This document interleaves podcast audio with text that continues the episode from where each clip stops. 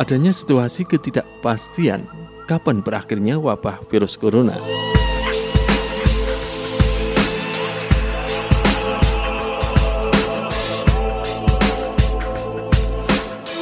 Seringkali mendengarkan ucapan sebagian masyarakat, Corona lagi, Corona lagi, kapan berakhir? Perkataan itu menandakan bahwa masyarakat sudah mulai jenuh menjalani tatanan kehidupan baru.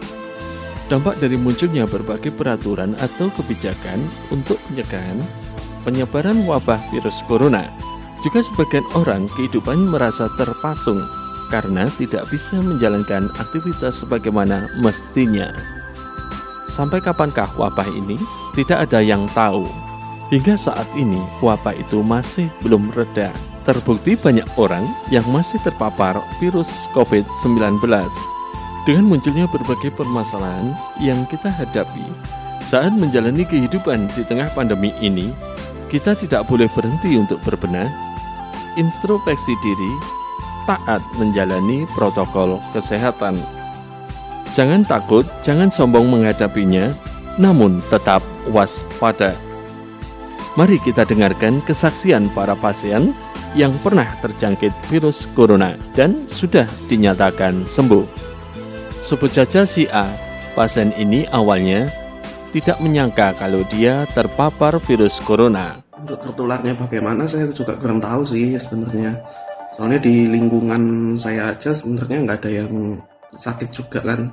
Gejala pertama yang muncul itu demam. Saya kira demam biasa kan, ternyata nggak turun-turun demamnya. Nah seminggu setelah demam pertama muncul itu tiba tiba-tiba ada radang di tenggorokan. Udah itu saya pergi ke dokter buat check up. Nah pertamanya kan dites tipes sama malaria, ternyata hasilnya negatif. Cuma dua hari kemudian kondisinya itu nggak tambah baik. Nah, akhirnya ke dokter lagi, terus disuruh ronsen paru-paru. Nah di situ baru ketahuan ternyata ada flek di paru-paru. Setelah itu uh, saya opnam kan ke RS Panti Nirmala. Nah setelah empat hari ternyata kondisi paru-paru saya makin buruk. Nah habis itu akhirnya saya dimasangin ke ruang ICU-nya Panti Nirmala. Nah setelah itu di, baru dirujuk ke Saiful Anwar. Nah baru masuk ke ruang isolasi. Nah di ruang isolasi baru dites swab, uh, urin sama darah. Nah uh, lima hari setelah tes pertama, tepatnya tanggal 18 itu ibu baru dikasih tahu ternyata kalau positif. Uh, ya nggak masalah sih, cuma tetapi tanggal 21 saya diperbolehkan udah untuk pulang karena di, udah dinyatakan negatif dan secara klinis saya sudah sembuh. Untuk treatmentnya sih ini sih pakai infus obat sama masker oksigen kan. Uh, cum, tapi ini sih dari dokter minta untuk makan yang banyak. Soalnya gini, uh, virus itu cuma bisa dilawan dengan imunitas sebenarnya. Nah, sedangkan imun itu bisa diperoleh jika uh, nutrisi yang masuk ke tubuh itu banyak. Hmm, ini kan wabah kan penyakitnya sebenarnya. Jadi semua orang bisa kena. Jadi untuk teman-teman yang sakit itu uh, jangan dikucilkan. Malah harus didukung sih sebenarnya. Sementara itu di tempat yang berbeda seseorang terpapar virus corona yang berasal dari teman satu kosnya. Saya sebelum terkena COVID-19 cukup taat mengikuti protokol kesehatan. Kemudian setelah itu teman saya yang pernah bertemu dengan saya ternyata terdiagnosis COVID-19 Akhirnya saya di tracing dan kemudian saya di swab. Satu hari setelahnya, hasil swab keluar dan saya dinyatakan positif COVID-19. Tetapi sepanjang kejadian itu, saya sama sekali tidak ada gejala dan sehat-sehat aja. Sampai saya sembuh pun saya tidak ada gejala. Pada saat itu, yang saya hubungi pertama kali setelah dinyatakan positif adalah mama saya. Saya tidak berani menghubungi bapak saya karena kondisinya sedang sakit. Jadinya ntar takut bikin papa kepikiran gitu. Mama pun juga nggak berani menceritakannya ke papa.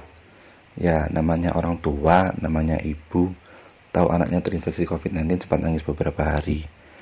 Tapi setiap harinya selalu saya tenangkan bahwasanya saya nggak nggak kenapa-napa, nggak ada gejala apa-apa, jadi insya Allah aman kayak itu. Karena saya OTG atau orang tanpa gejala, jadi hanya diisolasi biasa. Jadinya ya kayak seperti numpang makan, numpang tidur, numpang mandi Mungkin jika yang bukan OTG atau orang tanpa gejala itu akan ada perawatan lebih. Tapi untuk saya yang OTG hanya diberi obat setiap harinya dan diberi infus di, hari, di tiga hari pertama. Dan juga uh, kebiasaan atau kegiatan yang dilakukan di rumah sakit itu biasanya saya di telepon teman-teman gitu di fit call buat cerita-cerita, tanya-tanya sama sekalian temenin saya yang sendirian di rumah sakit kayak gitu. Untuk sikap teman-teman ya, khususnya itu kontraan pada saat mendengar saya terdiagnosis COVID-19 itu malah ketawa-ketawa. Ya itu mungkin biar saya nggak bersedih dan tidak terlalu memikirkan berat-berat gitu. Biar bisa cepat sembuh juga karena takutnya kalau terlalu dipikirkan itu bisa bikin susah sembuh.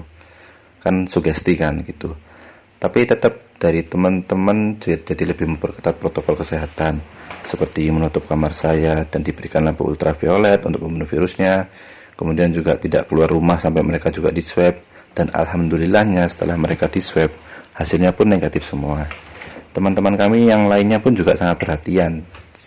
Teman-teman kontrakan tuh sering dikirimin makanan agar mereka tidak perlu keluar rumah untuk cari makan. Ya alhamdulillah deh pokoknya akan selalu ada hikmah di setiap kejadiannya. Virus corona tidak pandang bulu, siapa pun bisa terjangkit. Sebagai contoh, salah seorang dokter dan dia adalah kepala UGD salah satu rumah sakit di Jawa Timur yang juga terpapar COVID-19. Selama dia dinas di UGD, sempat jengkel dan sulit mendapatkan APD atau alat pelindung diri. Jadi siapa pun yang datang ke UGD harus kita terima toh. Nah sekarang ini saya jadi pasien COVID, kenapa saya tidak berani ngomong hal yang sejujurnya untuk menyelamatkan ribuan dokter yang lain dan perawat yang lain dan nakes yang lain yang mengalami hidup di ambang kematian. Apalagi ini kan sejawat saya ya. Pasien COVID-19 banyak yang meninggal. Hal ini tidak lepas dari peran penting petugas pemakaman bagaimana suka duka yang dirasakan oleh petugas pemakaman khusus orang yang meninggal akibat COVID-19. Ketika kami sudah pulang ke rumah dan sudah bersih-bersih, kumpul dengan uh, keluarga, anak dan istri, tiba-tiba pimpinan uh, menelpon kembali untuk uh, ada ambulan untuk dimakamkan saat itu juga. Maka aku boleh buat, ya. Kami langsung ke TKP, ke tempat lokasi pemakaman itu merupakan suatu yang bisa dikatakan suatu yang ya apa ya uh, menger, apa memilukan buat kita gitu kan. Setelah mendengarkan kesaksian dari pasien terpapar COVID-19, mengingatkan kita semua bahwa sehat itu mahal harganya dan lebih berhati-hati juga waspada agar kita terhindar dari virus COVID-19. Tetap taati protokol kesehatan, berupaya menjaga dan meningkatkan imun dan iman. Terima kasih atas kebersamaannya. Sampai jumpa.